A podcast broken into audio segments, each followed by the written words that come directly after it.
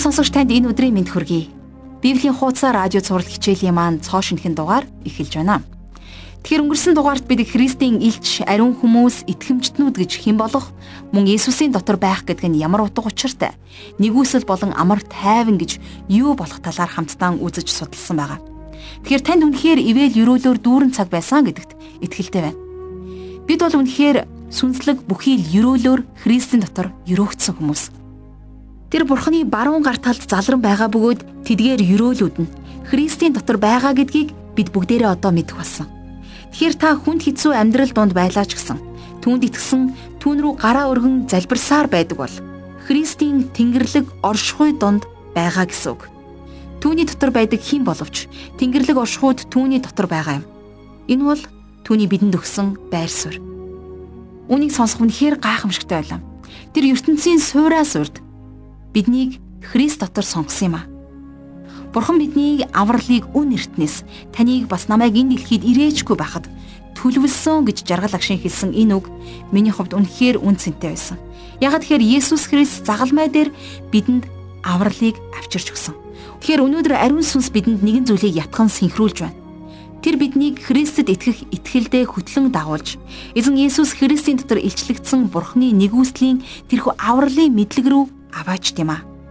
Өнөөдөр бид түүний дундаршгүй ариун мэдлэгээс суралцах гэж байна.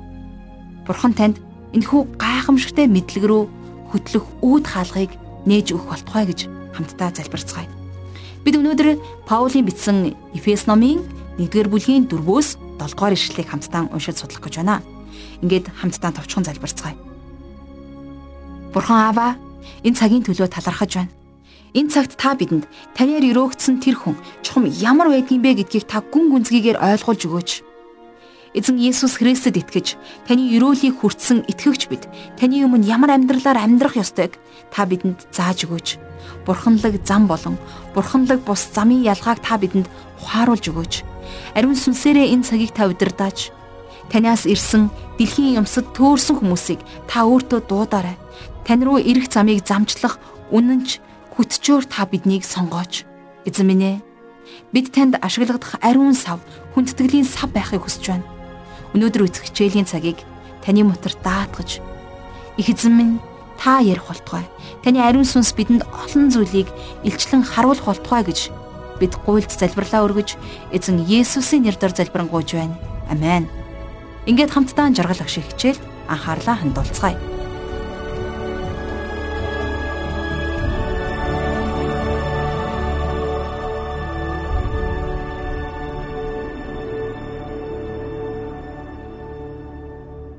За өнөөдрийнхөө хичээлээр бид хамтдаа Эфес номоо үргэлжлүүлэн 1-р бүлгийн 7-оос 10-р ишлэлийг судлах болно.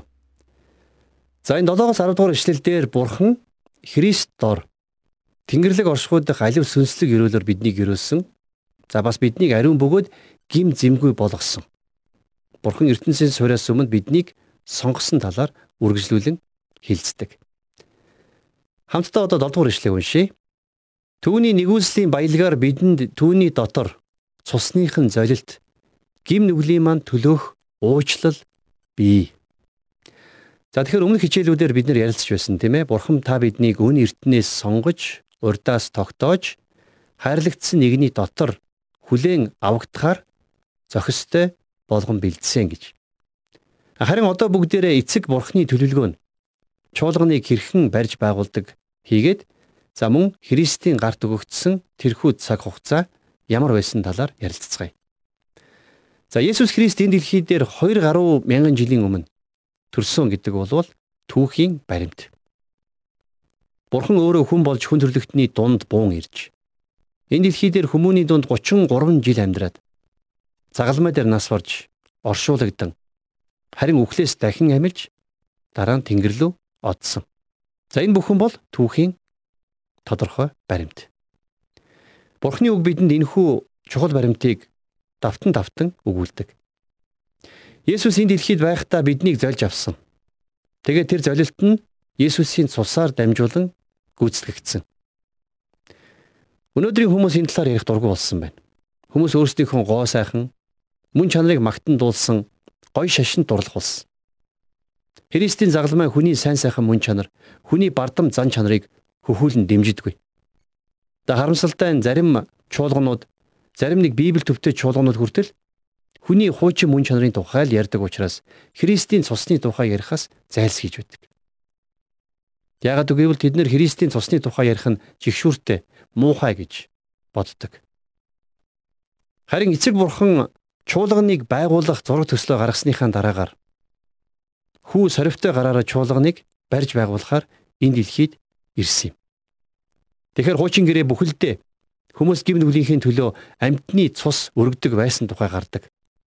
А гэвч энэ бүхэн гмийг бүр мөсөн цагаатгаж чадахгүй. Зөвхөн Христэл гмийг нэг мөсөн шийдэж чадах байсан. Еврейчүүдэд бичсэн загтал дээр шатаалт ба нүглийн тахлыг та ис таалав.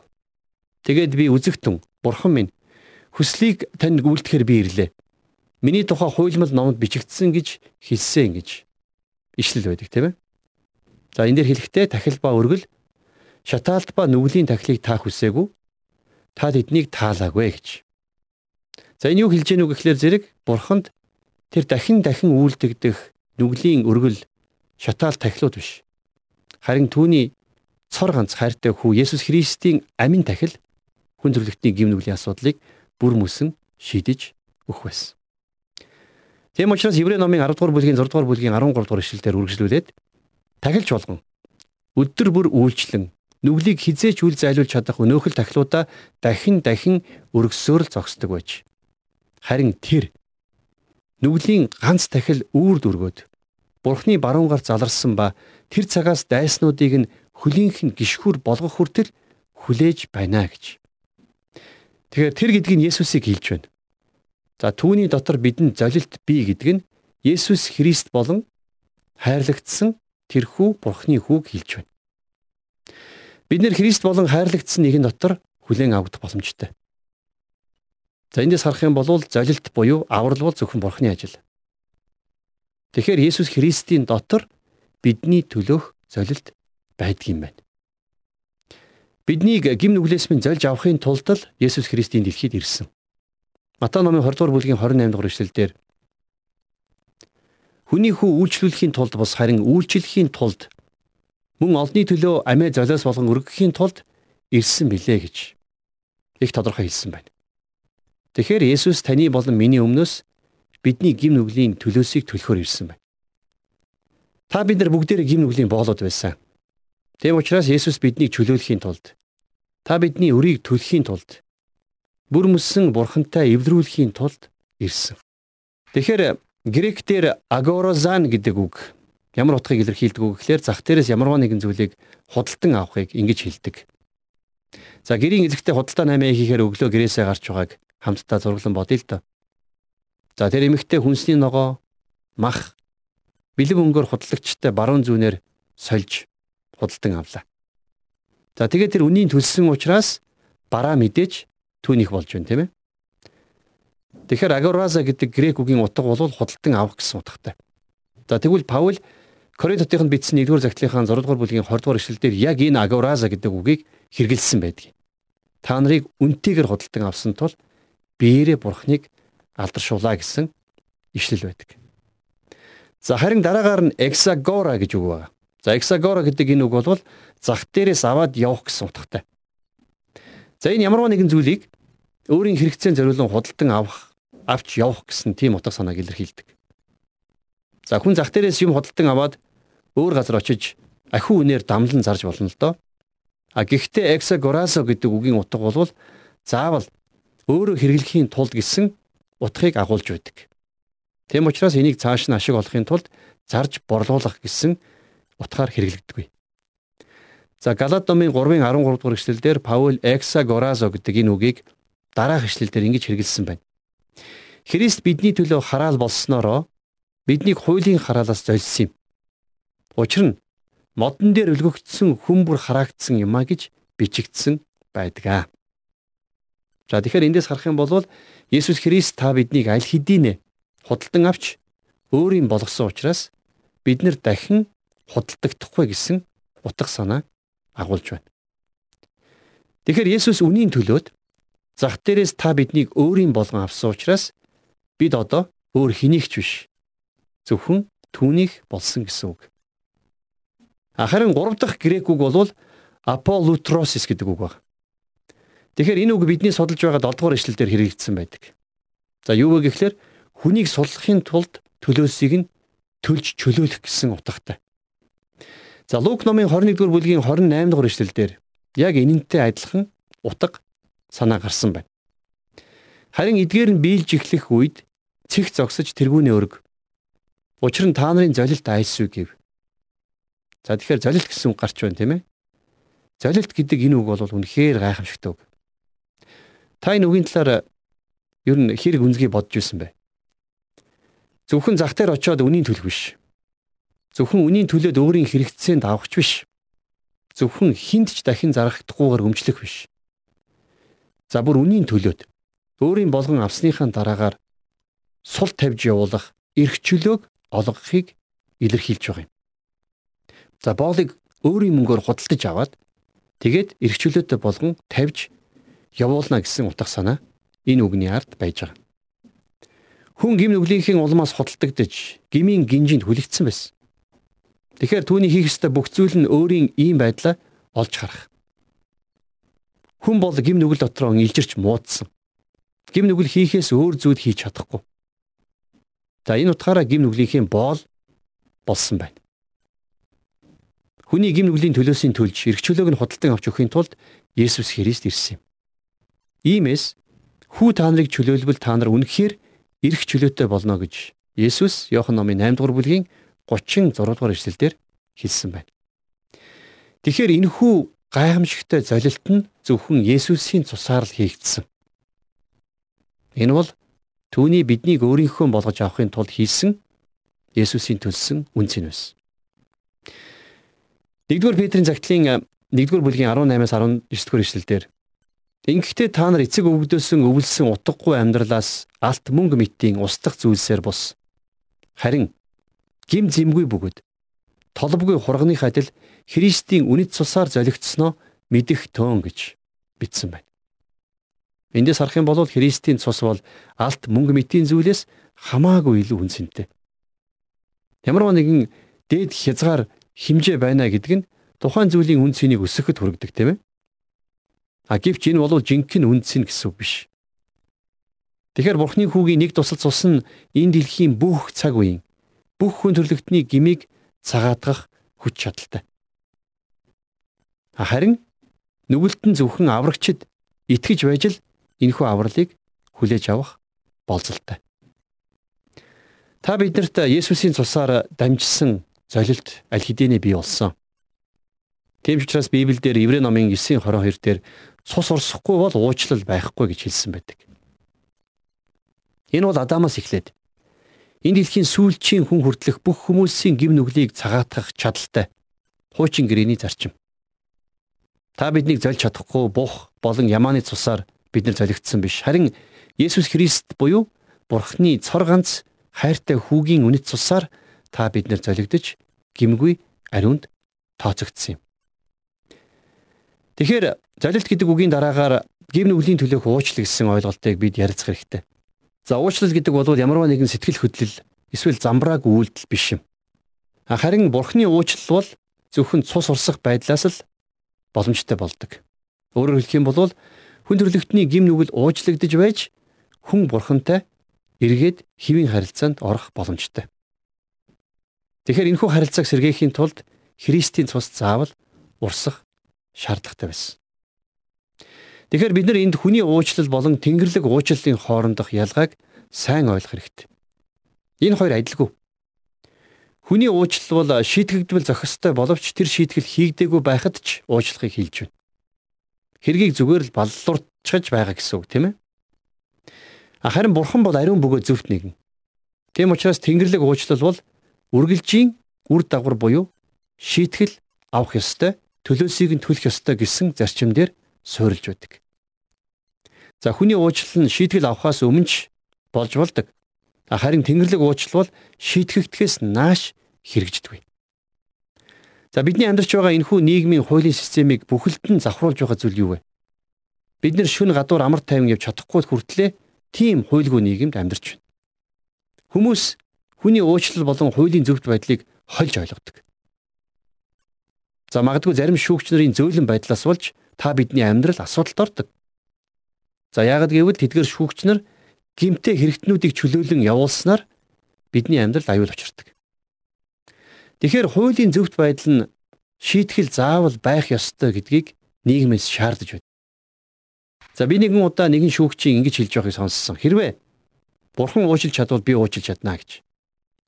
Гэвч бурхан шийтгэлийн төлөөсийн төлөөд тэгээд тэр уучлж өршөөс. За тэгвэл шүүгчийн суудалд байгаа шүүгч гинт хэрэгтний өмнөөс ялыг идэлж чадах уу? Та үүний оронд өөрөө ялыг үргэхгүй юм бол та гинт хэрэгтний зүгээр л сулжчихад чадна гэж би бодохгүй байна. Яагаад үг гэвэл гим нүгэл хаан байна тэнд ял шийтгэл байх ёстой. Тэгэхээр ял шийтгэгдсэн гэдэг дээр үндэслэн бурхан өршөөсөн байх нь. За тэгвэл энэхүү ял хизээ шийтгэгдсэн юм бэ? Есүс Христ 2000 жилийн өмнө загалмай дээр цусаа урсгах тэр үед бидний гим нүглийн ял шийтгэлээ авсан.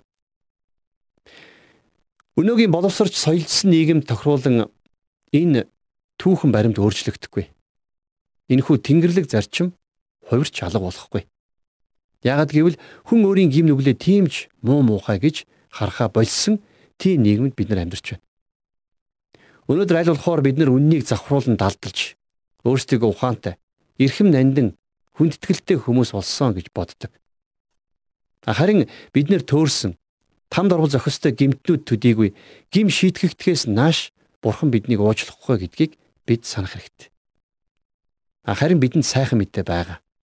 Юу гэвэл бурхан аль хэдийнэ энэхүү гим нүглийн ял шийтгэлийг гүйцэлдүүлсэн. За тийм л учраас Христийн цусаар дамжуулан та бид нар өршөөл уучлалыг авах болно гэдгийг Бурхны үгэнд байн байн хилээд байгаа юм шүү дээ. Тэгэхээр өршөөл уучлал заавал Христийн цусн дээр л суурилдаг. Энэ бол түүний цусны үн цэнтэн илрэл болж байдаг. Тэгэхээр би өмнө хэлж байсан одоо ч хэлж байна. Та Бурхны өмнө хинч биш гэдгээ хүлээн зөвшөөрч ирээд түүгээр хин нэгэн шинэ хүн болгогдох боломжтой. Бурхан таны гим нүглийн төлөөсийг аль хэдийн төлсөн учраас таны гим нүглийг Бурхан уучлах боломжтой. Та бид нар гим нүглийнхээ өршөөл уучлалыг авах цорын ганц зам буюу цорын ганц гарцвал энэ юм шүү дээ. Эзэн Иесус Христ дагалагч нартай хандан Христ зовлон эдэлж 3 дахь өдрөө үхэгсдээс амьлах болно. Иерусалимаас эхлээд бүх үндэстэнд түүний нэрээр нүгэл уучлагдах гимшил тунхаглагдах ёстой гэж хэлж байсан. За мөн Колоссе хотынд бичсэн загтлын 1-р бүлгийн 14-р эшлэлдэр Паул хүүгийнхэн дотор бидний нүглийн уучлал болох золилт байна гэж хэлсэн байна. За үргэлжлүүлээд 1-р бүлгийн 8-аас 10 дугаар ишлэгийг одоо уншийе. Тэр бидэнд бүх мэрэгэн ухаан ба бодрол ухаарлаар тэрхүү нэгүслээ бялхаажээ. Тэр түүний дотор зориг тавьж сайн талынхаа дагуу хүслийнхээ нууцыг бидэнд мэдүүлв. Энэ нь цагийн дүүрлийг гүйцэтгүүлэхийн тулд Тэнгэр дэх бүх юмс ба газар дээрх бүх юмсыг Христ дотор нэгтгэх зориг байжээ гэсэн байна. За бичээс дэх нууц гэж яг юу вэ? Энэ бол та хин тэрнийг алсан болоо гэж асууж нууцыг олох гэж гайхан алмаардаг ямар нэгэн адал явдалт нууцлаг зохиол биш. За энэ бол Шерлок Холмс ч юм уу эсвэл Агата Кристигийн зохиолтой адил зүйлч биш. Харин бичээсийн нууц гэдэг нь бол тодорхой нэгэн цаг үеийг хүртэл илчлээгүй байж байгаад тэгээд цаг нь болохоор Бурхны илчилж байгаа тэрхүү зүйлийг хэлж байна. За шин гэрээний дотор болвол нууц үргэлж доор хоёр шин чанарыг агуулж байдаг. Эхнийх нь бол хүнээр биш харин зөвхөн бурхнаар илчлэгддэг тийм нууц байдаг. За хоёр дахь нь бол хамгийн зөв цагт илчлэгддэг тийм нууцуд байна. За дээрэс нь бурхан биднэрт юм болгоныг хилээд байдгүй гэдгийг та мэдэх үү? Бурхны бидэнд хилээгүй маш олон зүйл байгаа. Миний өөрийн бурхнаас асуумаар байдаг маш олон зүйлүүд бий. А гэхдээ цаг нь болохоор бурхан биднэрт энэ бүгдийг илчлэх болно гэдэгт би хувьдаа бат итгэдэг. Тэгэхээр бурхан ямар нэгэн зүйлийг бидэнд өмнө нь илчлээгүй бол одоо илчилж байна гэсэн үг. Хуучин гэрээнд илчлээгүй гайхалтай сайхан зүйлсийг бурхан шинэ гэрээнд илчилсэнийг эдгээр ишлэлүүд бидэнд бэлхнээ хэлж өгч байх шиг байна тийм ээ. За 8 9 дугаар ишлэлүүдийг илүү тодорхой авч үзэх юм бол тэр бидэнд бүх мэрэгэн ухаан ба бодрол ухаарлаар тэрхүү нэгүслээ бэлхаажээ. тэр түүний дотор зориг тавьж сайн талынхаа дагуу хүслийнхээ нууцыг бидэнд мэдүүлэв гэсэн байна. Тэгэхээр мэрэгэн ухаан ба бодрол ухаарлаар гэдгийг анзаарах юм бол энэ нь яг үнэндээ 9 дэх ишлэлтэй холбоотой. Тэгэхээр бурхны хүслийн нууц гэж юу вэ? За юуны төрөнд мэрэгэн ухаан ба бодрол ухаарлаар илчлэгдсэн зүйлүүд байх ёстой. Энэ бол зүгээр л логик юм уу эсвэл АБВ гэдэг шиг тийм дараалтай биш. Энэ бол бурхны гүнзгий зүйлүүдийг ойлгох гайхалтай мэрэгэн ухааны тухай ярьж байна. Бурхны зориг төлөвлөгөөг ойлгохын тулд бид нар бүхий л оюун ухаан нөөц боломжоо дайчлах хэрэгтэй үе байдаг. Тэдгээр нууцуд одоо бидэнд илчлэгдсэн учраас бурхан биднийг тэдгэрийг олж мэдэх боломжтой болгож өгсөн гэсэн үг. Тэгэхээр бурхан хүн төрлөختнийг аврах нэг л аргыг хэрэгэлсэн байдаг. Бүх зүйл авралыг гүйцэлдүүлэх ганц л арга барил тэрхүү бурхны сонгож авсан арга зам дээр л ирдэг. Бурхны тогтоосон системийн дагуу бурханд ойртох арга барил ганцхан байдаг. Би дээр хэлж байсан тийм ээ бурханд ойртох цорын ганц арга барил бол зөвхөн Есүс Христийн дотор л та бидэнд өгөгдсөн байна. Өөр ямар ч шашин, өөр ямар ч гүн ухаан, өөр ямар ч итгэл үнэмшил биднийг бурхантай Есүс Христ шиг ойртуулж чадахгүй. За дараагаар нь цагийн дүүрэл гэсэн нэгэн ухтгун гарч ирж байна. Бид нар мэдээжээр бүх цаг хугацаанд зэрэг очиж эсвэл оршин байж чадахгүй. Харин Бурхан Христ Тэнгэр газар дах бүхнийг захирах тэр цаг хугацаа руу бүх зүйлсийг чиглүүлж байна гэсэн үг. Өөрөөр хэлэх юм бол бүх юмс Есүс Христийн захиргаанд ор ирэх тэрхүү үеийг дүүрэл буюу плоримагне гэж нэрлэдэг. За плерома буюу бүх мянганууд, зуунууд цутхан орж байгаа асар том савыг хэлж байна. Христ бол эзэн химэн бүх хил тунхаглаж өвдөг болгон түүний өмнө сүгдөх тэр нэгэн цаг руу өнгөрсөн одоо ирээдүйн бүх зүйлс чиглэн очиж байна гэсэн. Энэ бол та бидэнд илчлэгдсэн нууц. Энэ нь цагийн дүүрлийг гүйцэлүүлэхийн тулд Тэнгэр дэх юмс ба газар дээрх бүх юмсыг Христ дотор нэгтгэх зорилго байжээ гэж. Учир нь ягаад үг гэхлээр бүх юмсыг Бурхны эрхэнд оруулахдаа эрхэнд нь оруулаагүй юу ч Бурхан үлдээгээгүй гэсэн үг тийм ээ. За Еврейчүүд бичсэн загтлын 2 дугаар бүлгийн 8 дугаар эшлэлдэр харин идэвхтэй бүх юм түүний эрхэнд орсныг бид хараахан үзээгүй л байна гэж бичсэн байна. Бид нэр тэр цаг үед хараахан очиагүй байна гэдгийг эндээс тодорхой харж болж байна. За яагаад үг гэвэл бид одоо өөр цаг үед амьдарч байна. Харин бурхан ирээд болоод өнгөрөх гэж байгаа бүх зүйлийн талаар бидэнд илчилсэн байдаг. Тэр үнийг өнгөрсөнд харин илчлээгүй байсан. Тэнгэр болон газар дээрх аялгау хоорондоо нийцтэй таарамжтай биш байдаг. Бид өөрсдийнхөө бяцхан аязыг энд тоглосоор л байхад бид энэ доор өөрсдийнхөө бяцхан рок хөгжмийг тоглож байхад дээр тэнгэрт оршин байгаа жинхэнэ рок бол Христ Есүс юм. Тэр бол хад. Тэр бол чуулганы бат суур болсон үнэт чулуу. Тэнгэр газрын аялгау нэгдэн нийлж бүх юмс Христийн дотор цутгагдах тэр сүр жавхлант өдөр алхам алхмаар өдөр өдрөөр айсуу байна. Хүү бурхны чуулганд хийсэн 3 дугаар хамгийн том ажил бол Христ биднийг өв залгамжлалаар шагнасан явдал байсан юм а.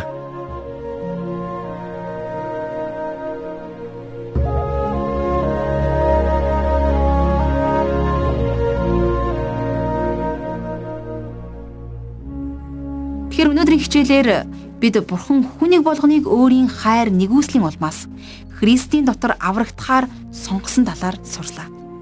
Тийм ээ бид үнэхээр Христийн дотор аврагдахаар сонгогдсон хүмүүс. Харин та энэ үгийг хэд хувьчилсан байдлаар битгий хүлээн аваарай.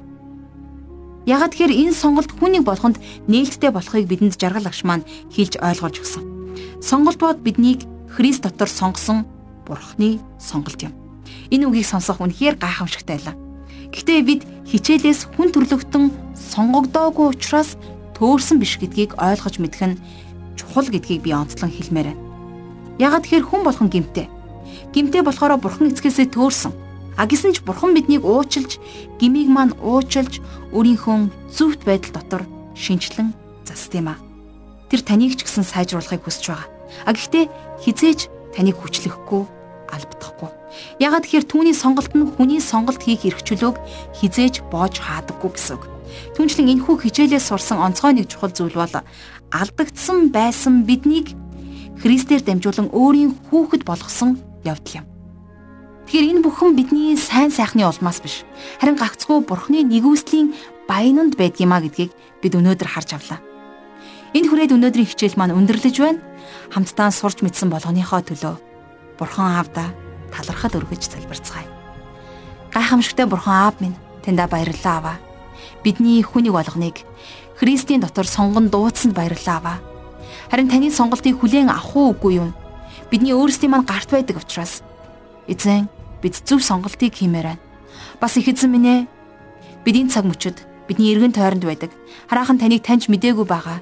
Ах トゥ найз нөхөд аав ээж бидний элэг нэгт монголчуудынхаа төлөө бид санаа нэгтэн залбирч байна. Тэд зөв сонголтыг хийж эзэн бурхан таныг тэд таньж мэдэх болтугай. Тэдний зүрх сэтгэлд та нутаглах болтугай. Тэдний ам амьдрал таны хаанчлалын төлөө зохилох болтугай. Бүх зүйлийг танд өргөж эзэн Есүсийн нэрээр залбирanгуйж байна. Амен.